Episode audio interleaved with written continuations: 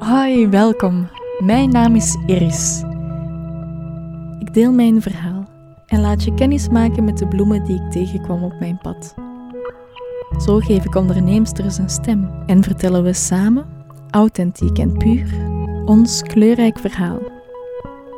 Ik nodig jou uit om samen met mij te groeien en bloeien tijdens onze ondernemersreis. Laten we een impact maken met ons verhaal en andere onderneemsters inspireren door een nieuwe weg te tonen. Een reis die intuïtief, gegrond en vrouwelijk is in al haar unieke facetten. Welkom. Dit is ons verhaal. Ga jij mee op ontdekkingsreis?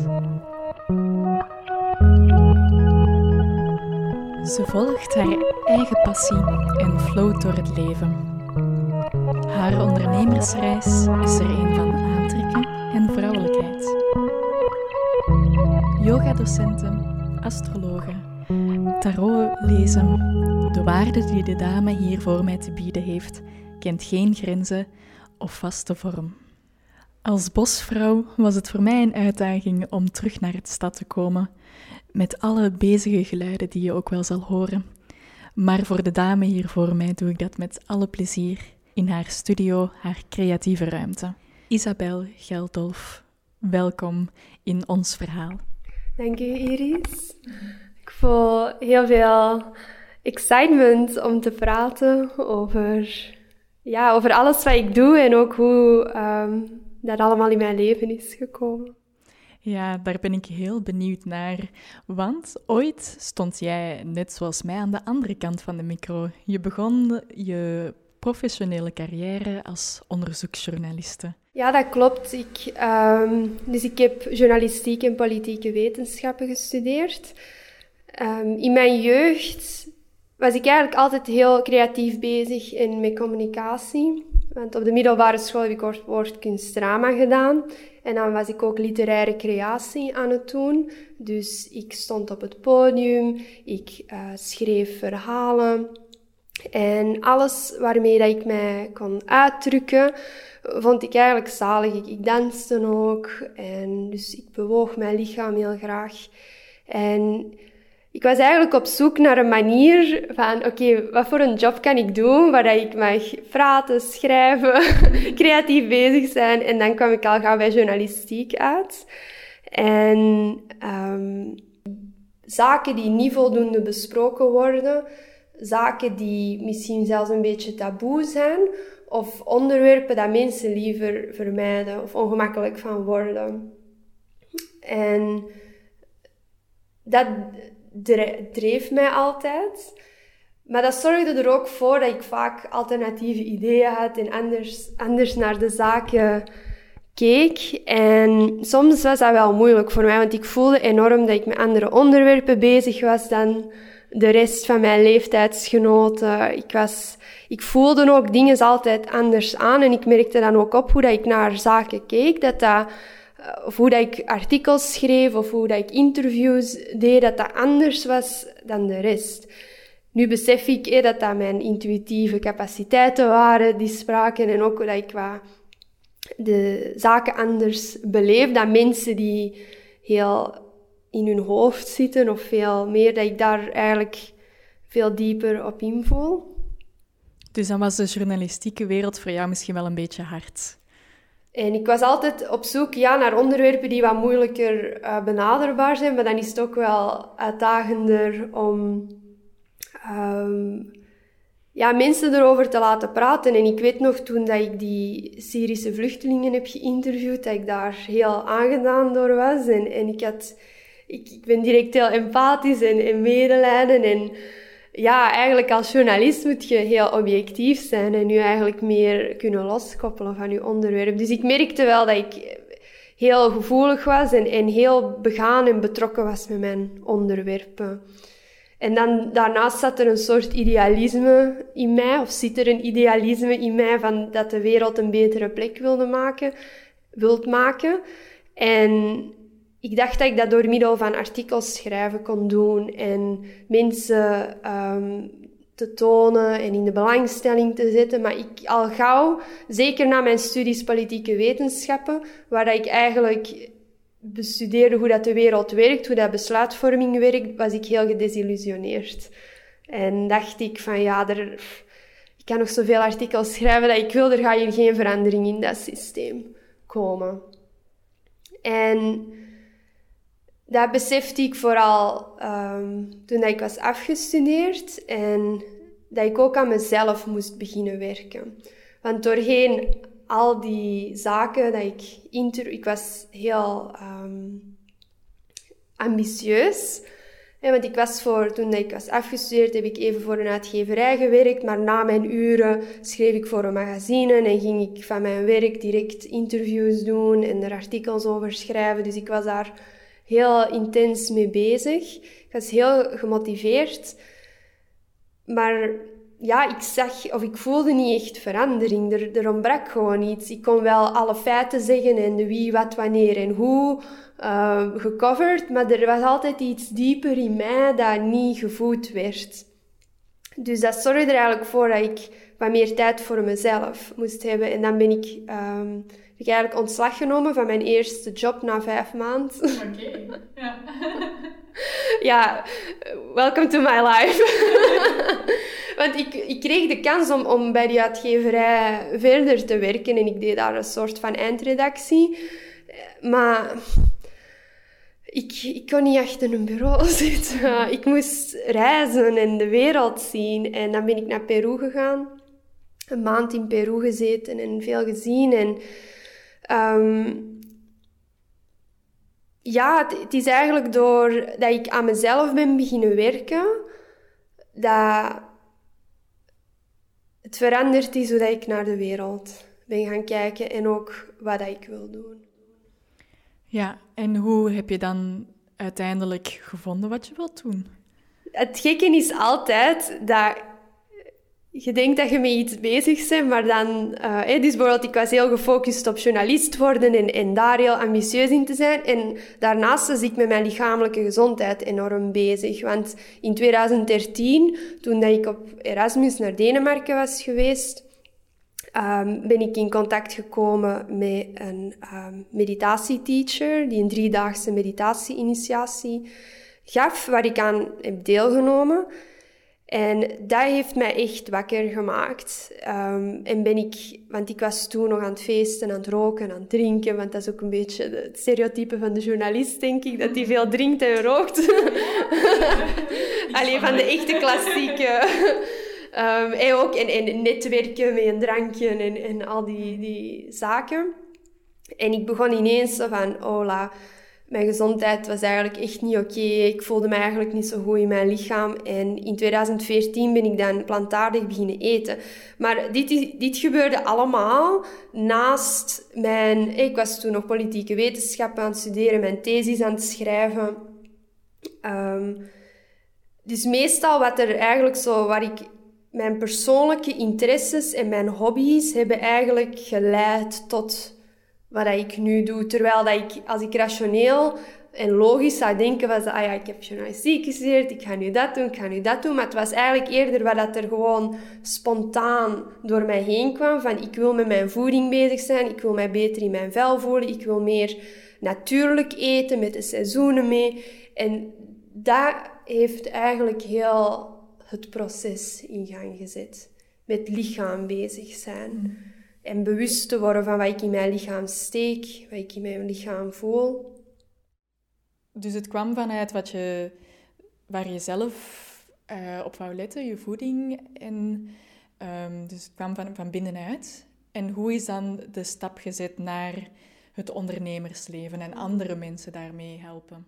Wat ik ontdekte was dat ik heel moeilijk voor een baas kan werken.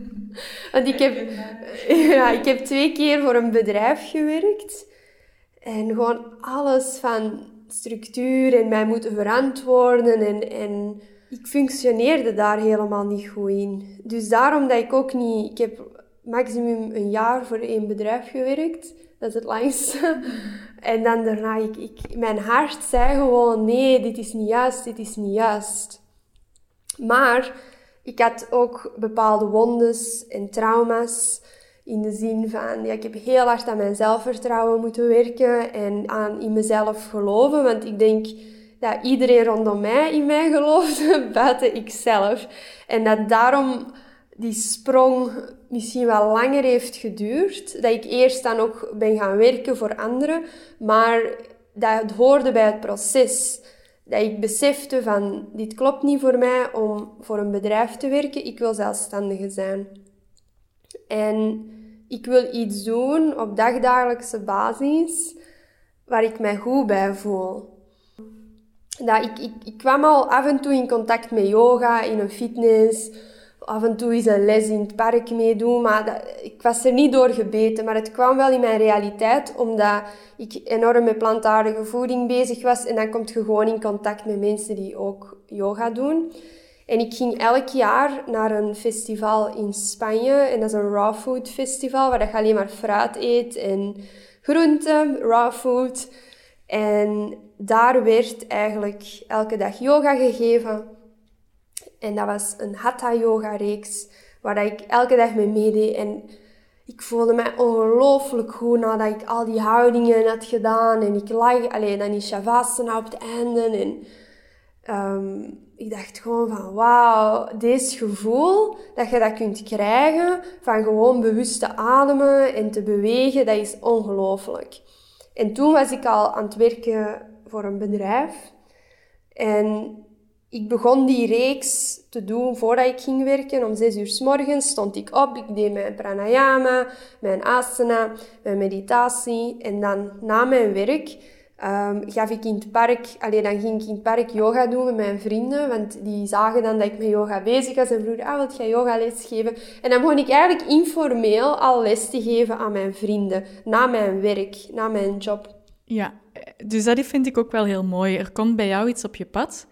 Dus nu, je bent bijvoorbeeld gestart als yogadocente, als onderneemster. Maar dan later uh, verdiep je je nog verder in astrologie. Dus dat komt op je pad. Je voelt je daar tot aangetrokken en je verdiept je daarin. Ja, dat is inderdaad de cyclus eh, dat, dat zich plaats... Allee, de cycli die plaatsvinden in mijn leven. Het is gewoon, ik kom iets tegen en dat is een spark en ik voel daar een excitement over. En dat geeft mij gewoon energie om daar heel veel mee bezig te zijn, heel veel te studeren. En zeker met yoga of astrologie, je moet daar heel veel tijd in steken. Dat zijn, grote studies um, die plaatsvinden. En ik volgde altijd mijn hart. En dat is ook toen ik dan ontslag nam bij mijn laatste job in, in dienstverband. Dan zei ik dat letterlijk van... Hey, dat was een superjob, flexibele uren, goed betaald, ik mocht reizen. Um, dat waren super toffe collega's, dat was zo'n start-up atmosfeer. Maar ik zeg, sorry, mijn hart zegt dat ik met die yoga verder moet doen. Als ik iets doe, ga ik er gewoon vol een bak voor. Dus vanaf dat ik dan ontslag had genomen, ben ik direct met mijn 300 uur yogaopleiding begonnen. En dan daar kwam ik in contact met yoga-teachers en ik zei van ja, ik wil lesgeven. En die begonnen mij direct jobs te geven en vervangingen te laten doen. En dat is gewoon direct beginnen stromen, waardoor dat ik dan direct allee, als eenmanszaak kon beginnen door op heel veel verschillende plekken les te geven. En dat is voor mij alignment, dat het, begon, het begint gewoon te stromen. Als ik bijvoorbeeld nu niet die feedback had gehad of niet al die kansen had gekregen door mijn omgeving. Want het is vooral door, bij mij is het, um, ik heb spiegels nodig en mensen die ook zo aan mij bevestigen. En het is dan omdat er mensen op mijn pad komen die mij steunen en mij helpen, um, dat, dat mij ook het zelfvertrouwen geeft om verder te gaan. Dus het is echt, ja, dat zijn ook synchroniciteiten. Als jij op je pad zit, als jij je passie volgt, als jij doet wat je graag doet, gaat je mensen ontmoeten die je steunen. In verschillende vormen. Dat kan zijn iemand die gewoon een, een zinnetje zegt of zo van... Ah, je zit daar goed je zou dat verder. Je kunt je niet voorstellen hoe een grote impact dat dat op iemand zijn pad kan hebben. Als ik terugkijk op soms wat mensen tegen mij zeiden, ik, denk, ik weet niet of dat die mensen dat zelf beseffen hoe grote impact dat dat op mijn leven heeft gehad. Dus daarom dat ik ook wil zeggen naar andere mensen toe van geef complimentjes aan anderen en lach en, en um, geef ze praise. Want je weet nooit niet hoe grote impact dat, op iemand zijn pad kan hebben. Ja, heb je het gehoord daar aan de andere kant? dat vind ik heel mooi, Isabel. Inderdaad, um, je kan soms iets positief denken over iemand, maar het niet per se zeggen. Maar we moeten dat allemaal een beetje meer doen. Hè? Het uh, licht gunnen aan elkaar en uh, elkaar wat zelfvertrouwen geven. Want ik kan me ook wel inbeelden als beginnende yogadocenten. Er zijn zoveel verschillende yogaleraressen dat het ook wel een uitdaging is om je eigen unieke stijl en stem te vinden. En ook um, ja, die zware studies van heel de filosofie en de traditie, om, om die eigen te maken. Want dat lijkt mij heel belangrijk als yogadocenten. Ik zeg altijd, of tegen iedereen, follow your excitement. En dat is ook iets dat veel, in veel spirituele leuzes terugkomt. Um, ik wil niet te cliché um, zijn, maar voor mij, ik heb gewoon altijd ja, mijn interesse gevolgd en gezien wat is er beschikbaar voor mij op dit moment. En dat hoort eigenlijk bij de path of least resistance. Dus ik had eerst toegang tot een Hatha Yoga teacher. Dus ik heb mij met Hatha Yoga bezig gehouden, wat een meer statische en klassieke vorm van yoga is. Dat, dat zouden we zo wat onder de old school yoga kunnen categoriseren. En ik heb dat gedaan, ik heb die reeks geoefend, totdat ik dan op het punt kwam dat ik meer um, met vinyasa en ashtanga in contact kwam, wat dynamische yoga-vormen zijn. En ik had het geluk dat ik hier in, in Antwerpen enorm ervaren teachers heb op dat vlak. En dan ben ik ook met hun gaan studeren. En in het begin, in yoga, yoga um, is dat is een Sanskriet woord, parampara. En dat is de relatie tussen de teacher en de student, de guru en de shisha, de student. Dat je eigenlijk eerst jezelf moet overgeven aan een stijl of aan een teacher om dat te bestuderen vooraleer dat je je eigen stijl kunt ontwikkelen. Dus in het begin moet je even eigenlijk jezelf aan de kant zetten en dat is eigenlijk je ego, alles wat jij denkt, wat jij um, de, de overtuiging dat je hebt, om even in die stijl um, te oefenen.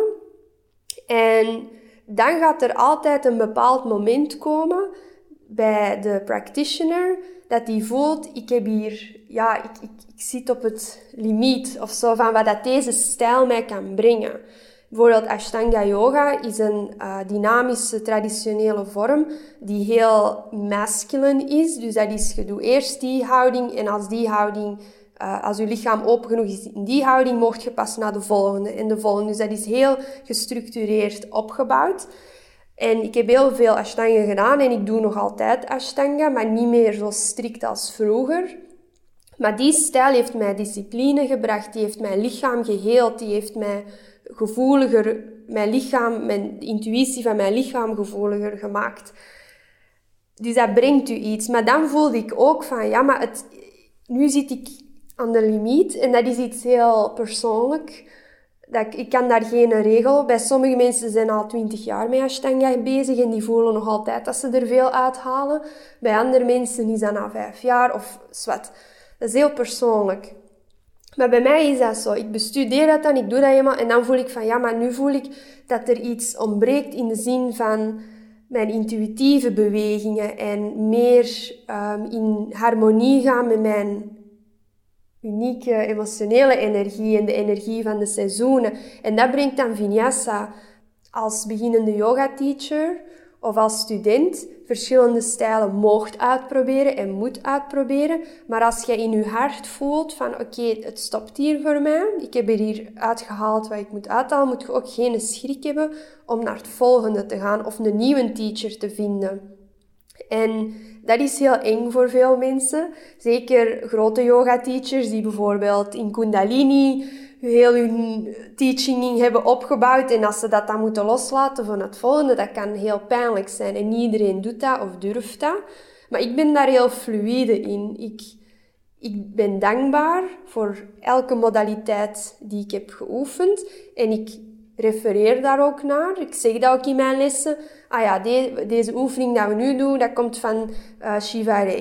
Deze komt uit Ashtanga. Deze komt van daar. Je moet altijd refereren naar je bronnen, naar waar dat jij het hebt geleerd. Maar dan mocht jij daar een unieke mix van maken. En zo ga jij tot je unieke stijl komen. Als er iemand aan het luisteren is die droomt van yogadocenten te worden, dat dit zeer uh, leerzaam was of zeer aangenaam om te horen ook. Ik wil zelf ook wel vertellen hoe belangrijk yoga voor mij is geweest.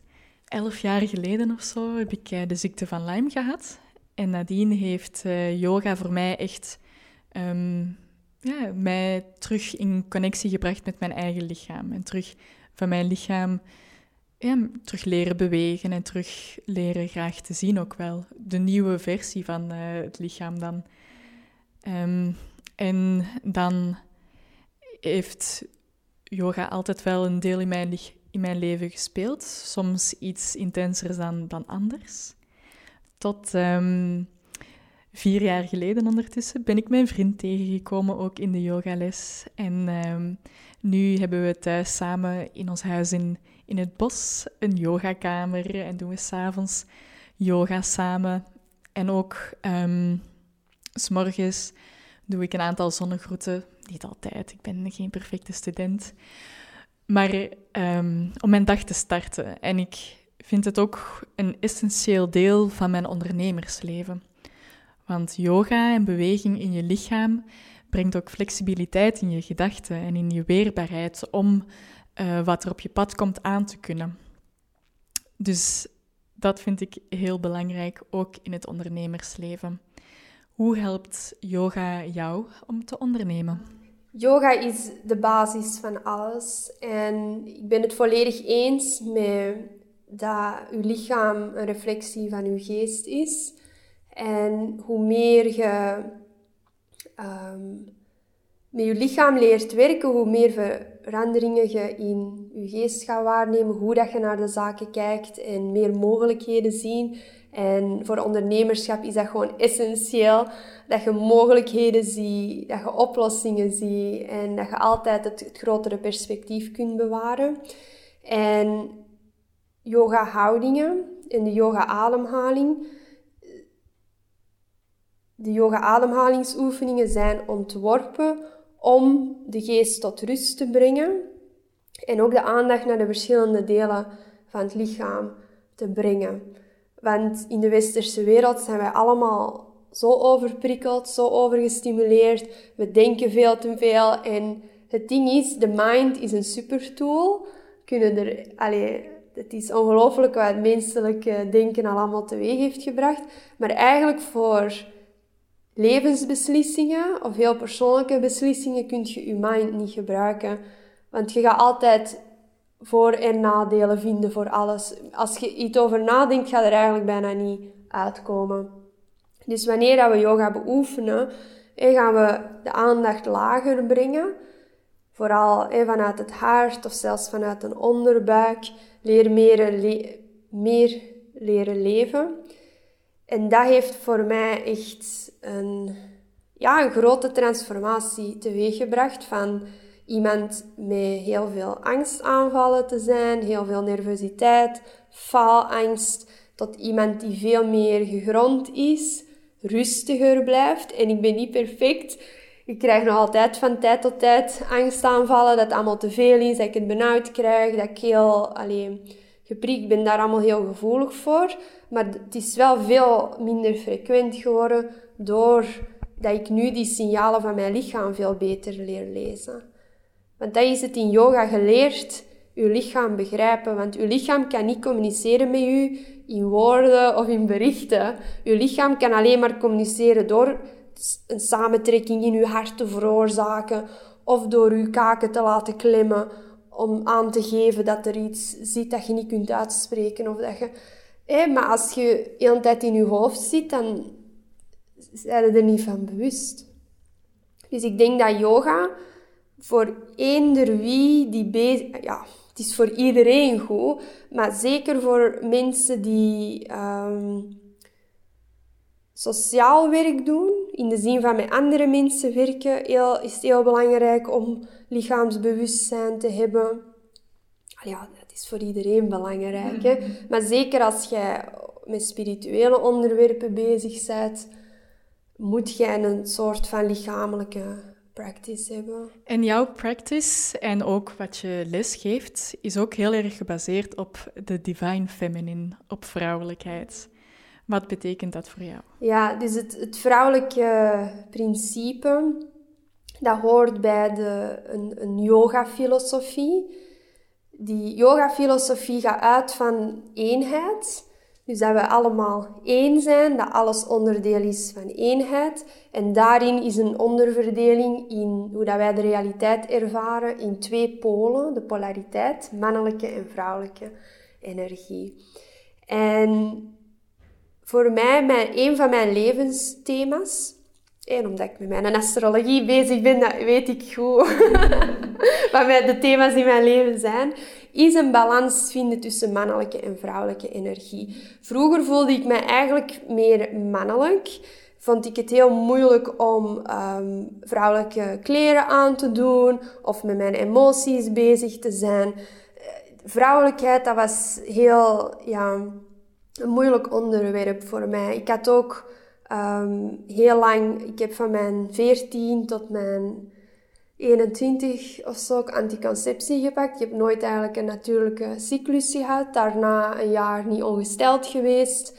En ja, dan begin je wel jezelf vragen te stellen op een bepaald moment over je vrouwelijkheid. En ik voelde mij ook zo vrij verloren altijd.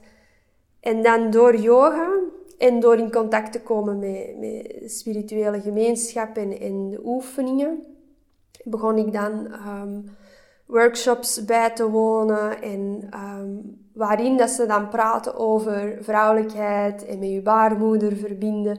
En dat was zo een heel eye-opening experience voor mij, want ik begreep plots dat ik eigenlijk heel mijn leven in die mannelijke polariteit zat. Altijd in dat doen, doen, doen. Willen presteren, productief zijn, hustle, hustle, meer werken, meer, meer, meer. En ja, ik, ik had gewoon, dat werkte niet voor mij. Ik had veel, vaak periodes dat ik ziek was, dat ik niks kon doen, dat ik dan ineens een emotional mess werd. En dan kwam dat concept van vrouwelijkheid. Wat is van receptief zijn, meer passief in het leven staan.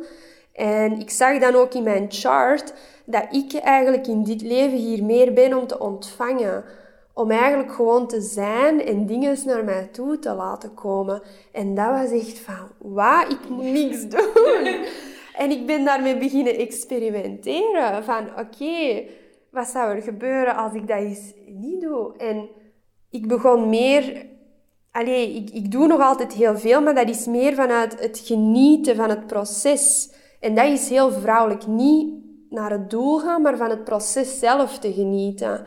En ik begon dat meer te doen. En dan, ik zeg het u, ik heb voor geen enkele yoga teaching job een sollicitatiebrief geschreven. Dat is allemaal via via gekomen. Mensen die mijn naam doorgaven aan andere mensen. En nu ook met die astrologie readings.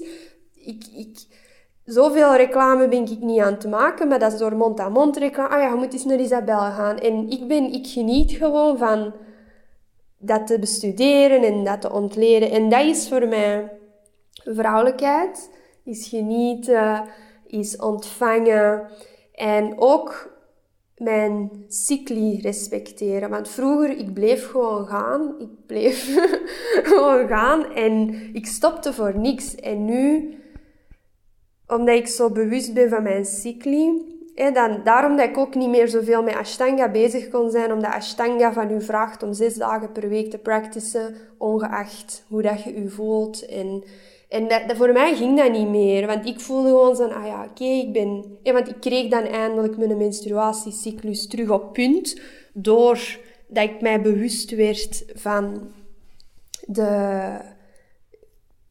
vrouwelijkheid filosofie. doordat ik met de maan begon verbinden, begon mijn cyclus eindelijk regelmatig te worden, wat ik nog nooit had meegemaakt, omdat ik altijd op anticonceptie was geweest. En dus ja, daarom wanneer ik ongesteld ben, dan nu doe ik het wat rustiger aan en wat meer yin yoga. En ik weet dan ook dat ik eigenlijk intuïtief het meest sterke ben wanneer ik ongesteld ben. Dus ik krijg heel veel wijsheid en inzichten door. En daar geniet ik nu gewoon enorm van. Om zo yoga te oefenen. Van wat mijn intuïtie zegt, maar let op. Je moet daar wel een basis voor hebben. Want soms zeggen ze tegen mensen, ja, ja, volg je intuïtie maar. Maar je moet daar voldoende ervaring voor hebben. En dat is dat mannelijke weer. Van ja, je moet u even je masculine gebruiken en dingen bestuderen. En dan gaat je de tools hebben om die dan te kunnen toepassen wanneer dat je zegt, oh, ik ben nu aan het ovuleren, ik heb energie, of het is lente nu, nu ga ik meer gebruiken. Maar dat vraagt wel wat bewustzijn en trial en error. Ja, en gebruik je die kennis van energieën en cycli, gebruik je dat ook om je agenda te plannen? Ja, ik flow enorm. Dus ik ga wel zien als ik ongesteld ben, dat ik wat meer ruimte heb en dat, er, dat ik wat meer kan ontspannen. Maar ik, ik zou nooit iets afzeggen omdat het als een slechte energie beschouwd wordt. Want in, ik zoals ik al heb gezegd, ik geloof niet in goede en slechte energie. Zelfs al menstrueert jij, dan zeggen ze, oh, je moet naar binnen keren, je zou niet public speaking mogen doen. Jawel, als jij dan voor de groep spreekt wanneer dat jij menstrueert, zit je eigenlijk heel in line met... Zet jij, allee, dat noemen ze sattvis. Uh, sattvik is een Ayurvedisch woord dat voor harmonie en balans staat. En ze zeggen eigenlijk wanneer dat je ovuleert en menstrueert, dat je in een sattvische toestand bent er is een, een, gevoel van leegte, maar wel een gevoel van helderheid. En dat is gewoon, dat noem ik eigenlijk gewoon, ja, vrouwen zijn, dat je in elk van die stadia dat kunt channelen en door kunt laten komen. Dus ik wil mij nooit beperkt voelen. En als ik dat te veel ga doen, dat is mijn persoonlijke ding, hè. Met te veel zo van, oh, die planeet staat nu slecht, dus ik ga dat niet doen. Nee, dat werkt niet voor mij. Ik zie gewoon van, oké, ja, dit gaat een intense periode worden, want mijn planeet Pluto staat nu daar. dus ik weet dat dat heel intens is en dat er veel onbewuste dingen naar boven gaan komen. Maar dan laat ik dat gewoon gebeuren. En ik zie gewoon hoe dat, dat gaat manifesteren in mijn leven. En ik vind dat dat ook vrouwelijk leven is. Van, je laat alles toe. Ik, ik laat heel het spectrum van emoties toe. Want ik ga niet gewoon alleen maar in positive thinking doen. Of, nee, als het nu intens is, als het nu moeilijk is, dan is het gewoon. Wel, dus Isabel, jij staat heel vrouwelijk in het plannen van je dag. Of ja, niet plannen van de dag, kan ik beter zeggen. Ja. En um, je ontvangt wat er komt. Maar voor mijzelf als onderneemster is dat toch wel een grote uitdaging. Ik heb al verschillende dingen geprobeerd, themadagen, um, ja, allemaal productiviteitsmogelijkheden, ook gewoon niet plannen. En nu was ik iets tegengekomen dit jaar, een astrologische planner. Mooi, shiny, witte agenda. Dat voor mij toch wel een belangrijke tool is geweest. Um, ik zal hier eens even open doen om een uh, voorbeeldje te geven.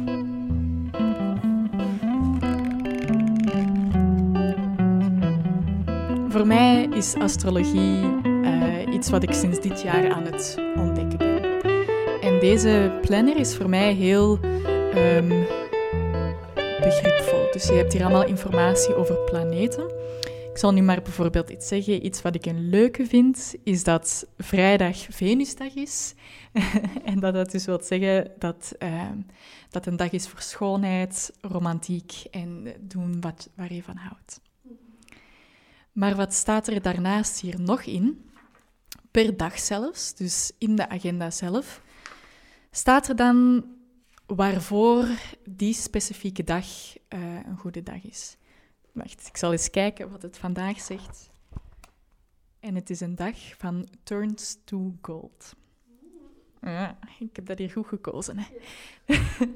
en wat wil dat nu zeggen? Um, dat wat we dus vandaag doen, dat dat uh, goed is voor vreugde, avontuur, uh, kansen nemen.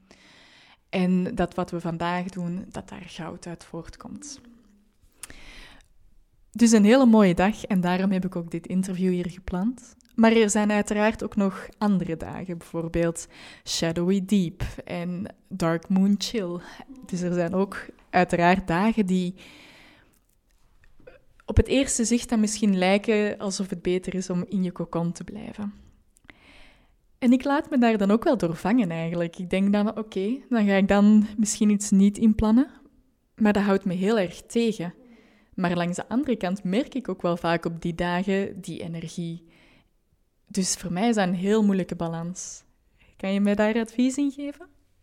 Ik voel dat alles wat u ja, beperkt laat voelen of, of laat blokkeren, dat dat niet werkt. en voor mij is mijn lichaam het autoriteit. Of mijn lichaam is de autoriteit. En ik voel altijd eerst wat er in mij aanwezig is en dan pas ga ik de sterren en de planeten raadplegen. Want ik vind het productiever om het andersom te gaan gebruiken. Dus wat jij doet, is eerst de betekenis lezen van de planeten en de aspecten en dan je leven aanpassen daarnaar. Ik doe het eigenlijk omgedraaid, dus ik voel wat is er aanwezig in mij vandaag. En dan kijk ik naar de planeet en de sterren die mij eigenlijk gaan helpen die meer subtiele dynamieken te benoemen, wat er aanwezig is. En dan heb ik een keuze, want jij hebt altijd vrije wil. Jij kunt altijd doen wat jij wilt. Hoe dat jij die energie gaat gebruiken in, je, in de dag van vandaag. Dus we zijn nu bijvoorbeeld um, net uit de nieuwe maan, we gaan naar een volle maan. Vandaag staat de zon in ram en de maan in tweelingen. Dus we voelen nu eigenlijk een crescendo van energie opbouwen. De zon maakt het vurig, de maan in tweelingen is dat wij moeten kunnen praten over onze emoties. um, En dus nu weet ik bijvoorbeeld van ja, inderdaad, dat is goed dat wij nu een podcast-interview doen. Ik heb nog heel veel sessies gepland, want ik weet dat nu die een boog van nieuwe maan naar volle maan een, een, een opstapeling van energie gaat zijn. Dus ik hoop gewoon door dat simpel uw perspectief te switchen en gewoon van, aan, allez, van met je lichaam te beginnen en dan pas naar de betekenis te kijken, dat dat je gaat helpen. Want jij gaat je unieke autoriteit of je unieke intuïtie kwijtraken als je te veel laat leiden door die dingen. Want dat is eigenlijk vrij algemene astrologie in dat boek. En je moet altijd zien naar uw blauwdruk, uw geboortenhoroscoop. Want hoe dat de planeten nu staan, maken eigenlijk een verbinding met hoe dat die stonden toen dat jij geboren werd. Want jij bent eigenlijk de unieke expressie van die uh, planetaire compositie. dus als je het leven als een orkest ziet, is elke persoon een instrument met een specifieke toon. En hoe, wat is die specifieke toon? Dat zijn de standen van de planeten toen dat ze geboren werden. En aan de hand van hoe dat ze nu staan, gaan er bepaalde tonen bij u er meer uitkomen. Dus ook al staat er in uw planner van ah, deze is een dag voor op romantiek te focussen, maar wie weet staat uw Venus in uw uh, twaalfde huis van het onbewuste, van meer van het terugtrekken. Jij gaat geen goesting hebben om romantisch te zijn. Jij gaat meer zin hebben om op je eigen te zijn en alleen te zijn. Dus daarom dat je heel hard moet oppassen met sun sign astrology of met die algemene horoscopen. Want dat gaat nooit, je kunt dat nooit niet zo specifiek op je situatie doen. Daarom dat je een geboortehoroscoop moet laten maken en dan op basis daarvan zien hoe dat, dat tot uiting komt. En zo'n geboortehoroscoop, daar kunnen mensen voor bij u terecht? Is dat... dat klopt. en als ik gewoon wel de energieën bijvoorbeeld van nieuwe maan en volle maan in het achterhoofd hou, denk ik dat dat nog wel veilig is. Hè? Zeker. De maan is, de, is het object dat het dichtste bij de aarde staat. En daarom dat dat een heel grote invloed heeft op onze innerlijke ehm, toestand, onze emoties. Dus de maan is iets dat je heel duidelijk bij jezelf kunt waarnemen. En ik denk dat, dat als je een esoterische reis wilt beginnen of je meer wilt verdiepen in, in esoterische onderwerpen, dus in je subjectieve wereld, in je gevoelwereld, dat de maan eigenlijk een, een, goed vertrekpunt is. En, ja, en kan je even heel concreet voor de jonge onderneemsters uitleggen, um, bijvoorbeeld de nieuwe maan, dat is een fase van eh, zaadjes planten en de volle maan is een fase van even die energieën een beetje duidelijker eh, kaderen. Concreet voor vrouwelijke ondernemers is het heel waardevol om met de cycli van de maan in hun menstruatie te werken. En dat kan ook wel een zijn, want die kunnen niet altijd synchroon lopen. Maar, dus de start van de cyclus, of eigenlijk elke maand krijgt jij een kans om een reset te ervaren. En dat is de nieuwe maan. De nieuwe maan is wanneer er geen zonlicht weerkaatst wordt op de oppervlakte van de maan. Dus de maan is helemaal zwart. En dat wordt beschouwd als de start van een nieuwe cyclus. En een moment waarop dat jij kan zeggen de komende maand, waar ga ik op focussen? Of zeker de komende twee weken tot aan de volle maan, wat wil ik gaan neerzetten? Dus als je in periodes van twee weken kunt denken, tussen de nieuwe maan en de volle maan, dat gaat je productiviteit al enorm verhogen. En dan krijg je eigenlijk um, bij de first quarter moon de kans om um, te gaan zien van oké, welke obstakels zijn er naar boven gekomen, want dat is het ding. We zetten de intentie, we zeggen oké, vanaf nu ga ik um, elke dag om dat uur opstaan en um, ja, ga ik bijvoorbeeld vroeger opstaan. Bij de first quarter moon, uh, wanneer dat je dan eigenlijk ja, een kwart van de maan ziet, Um, dan gaan de eerste obstakels op je pad gekomen zijn. Dus het kan zijn dat je de eerste dagen ja, om, om zes uur bent opgestaan, je hebt gemediteerd, je hebt je zonnegroeten gedaan. Maar dan gaat er een paar keer geweest zijn dat je hebt overslapen, dat je heel moe waart, dat je zei, voert, ik blijf in mijn bed liggen. En die eerste quarter moon is uw kans om dat te erkennen en uw intenties wat bij te sturen. En ook een realistisch element daarbij te brengen. En dat is een belangrijke energie daarvoor. En dan naar de volle maan toe, dan zie je de vruchten van al je acties. Dus de volle maan is wanneer we het meeste energie hebben, wanneer dat de emoties het hoogste kunnen zijn. Maar dat is ook positief, dat is ook een time of celebration. Want je gaat dan de vruchten zien en zeggen, amai, ik heb weer wat bereikt. En dan mocht je dat ook vieren op dat moment.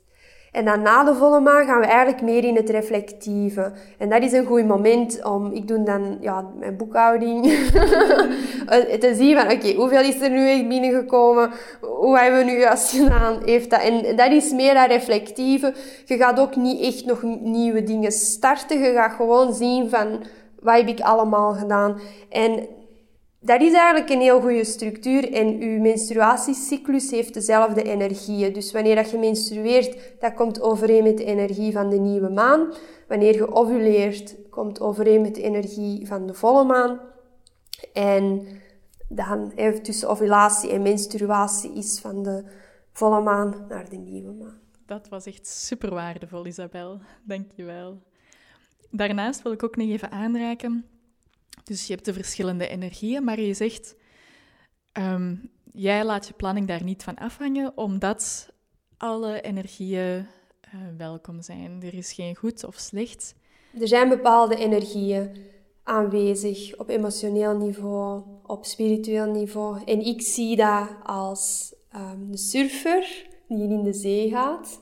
En je, zit op je surfboard en je zwemt voorbij de eerste branding, de eerste golven en dan dobbert je in het water. En dan ziet je om je heen en je ziet een deel van de zee dat stil is en dan ziet je de, de golven komen. En dan heb je een keus. Als je een grote golf ziet komen, gaat je met je surfboard op die golf, pakt je die golf, gaat je van je surfboard vallen of blijft je gewoon dobberen en laat je die golf voorbij gaan. Dat is met energie werken. Welke golf van energie ga je nemen? Welke golf gaat je voorbij laten gaan? En of je die golf gaat nemen, dat hangt natuurlijk af van je innerlijke toestand. In de zin van hoeveel zelfvertrouwen heb je, hoe voelt je, hoe lichamelijk zijt je. Want die golven gaan blijven komen, die gaan nooit niet stoppen. Dus het is niet dat je dat nu niet doet, dat dat nooit niet gaat komen voor u. Want dat noemt divine timing. Alles heeft zijn... Ik heb al gezegd, dat is een orkest. Wij hebben allemaal onze unieke stem, onze unieke klank die wij hier komen brengen. En als je naar een prachtig concert gaat luisteren, gaan er niet alle klanken ineens horen. Het is net mooi dat je dan af en toe die, allee, af en toe de viool hoort en dan de trommels. En, en, en daarom is dat niet wanneer dat jij bijvoorbeeld voelt dat jij aan de kantlijn zit of niks aan het doen bent, dat dat slecht is. Nee, het is gewoon nu niet uw moment om uw muziek te maken of uw klank te laten horen. En misschien is het voor iemand anders wel zijn solo net. Maar in het grotere geheel moet dat er allemaal zijn. Zonder de stilte zou die klank er niet kunnen zijn. En zo moet je je leven ook zien. Van, dat is een compositie en soms gaat je meer teruggetrokken zijn, soms gaat er meer staan. Maar laat dat gewoon gebeuren. Laat dat door je heen gebeuren. Want hoe meer dat jij eigenlijk gaat foefelen daarmee en hoe meer dan gaat de weerstand hebben. En het ding is, ik geloof dat bewust worden of awakening, dat is onze natuurlijke toestand. Want dat is net zoals een zaadje dat geplant wordt, dat water krijgt, dat gaat groeien, dat gaat bloeien. Misschien niet elke bloem gaat even groot worden, maar groeien is de natuur, is hoe wat wij zijn. En bewustzijn is hetzelfde. Iedereen gaat bewust worden, maar sommige mensen houden het door bepaalde overtuigingen, door te veel zich te willen vasthouden aan bepaalde dogma's of structuren. En daarom dat ik zeg, je moet wat opletten met u te veel te laten leiden door um, die zaken. Want hoe meer dat jij eigenlijk uit de weg gaat en dingen gaat laten gebeuren, hoe meer dat er mogelijk is en hoe meer bewust dat je gaat worden. Het is omdat je je actief laat tegenhouden door je overtuigingen, door de conditionering van de samenleving, door de conditionering van je familie, dat er dingen niet gaan gebeuren. Dus ik geloof dat hoe meer dat we dat kunnen wegnemen en mensen gewoon terug met hun eigen cycli, met hun eigen ritme laten verbinden, hoe bewuster mensen gaan worden. Wauw, ja, prachtig. We leven in seizoenen. Er is een tijd van zaaien, planten, groeien en bloeien. En zo kunnen we als ondernemsters allemaal mooie bloemen, creaties van moeder natuur. Isabel, dankjewel voor dit mooie interview en je prachtige inzichten. Dank je Iris, ik vond het heel fijn om dit gesprek met u te hebben. Bedankt. Namaste. Dankjewel om te luisteren naar dit verhaal. Vond je het inspirerend? Vind je dat andere onderneemsters dit ook mogen horen? Deel deze woorden dan met hun en help hen zo een stap vooruit op hun ondernemersreis. Tot de volgende keer. Ik kijk er alvast naar uit.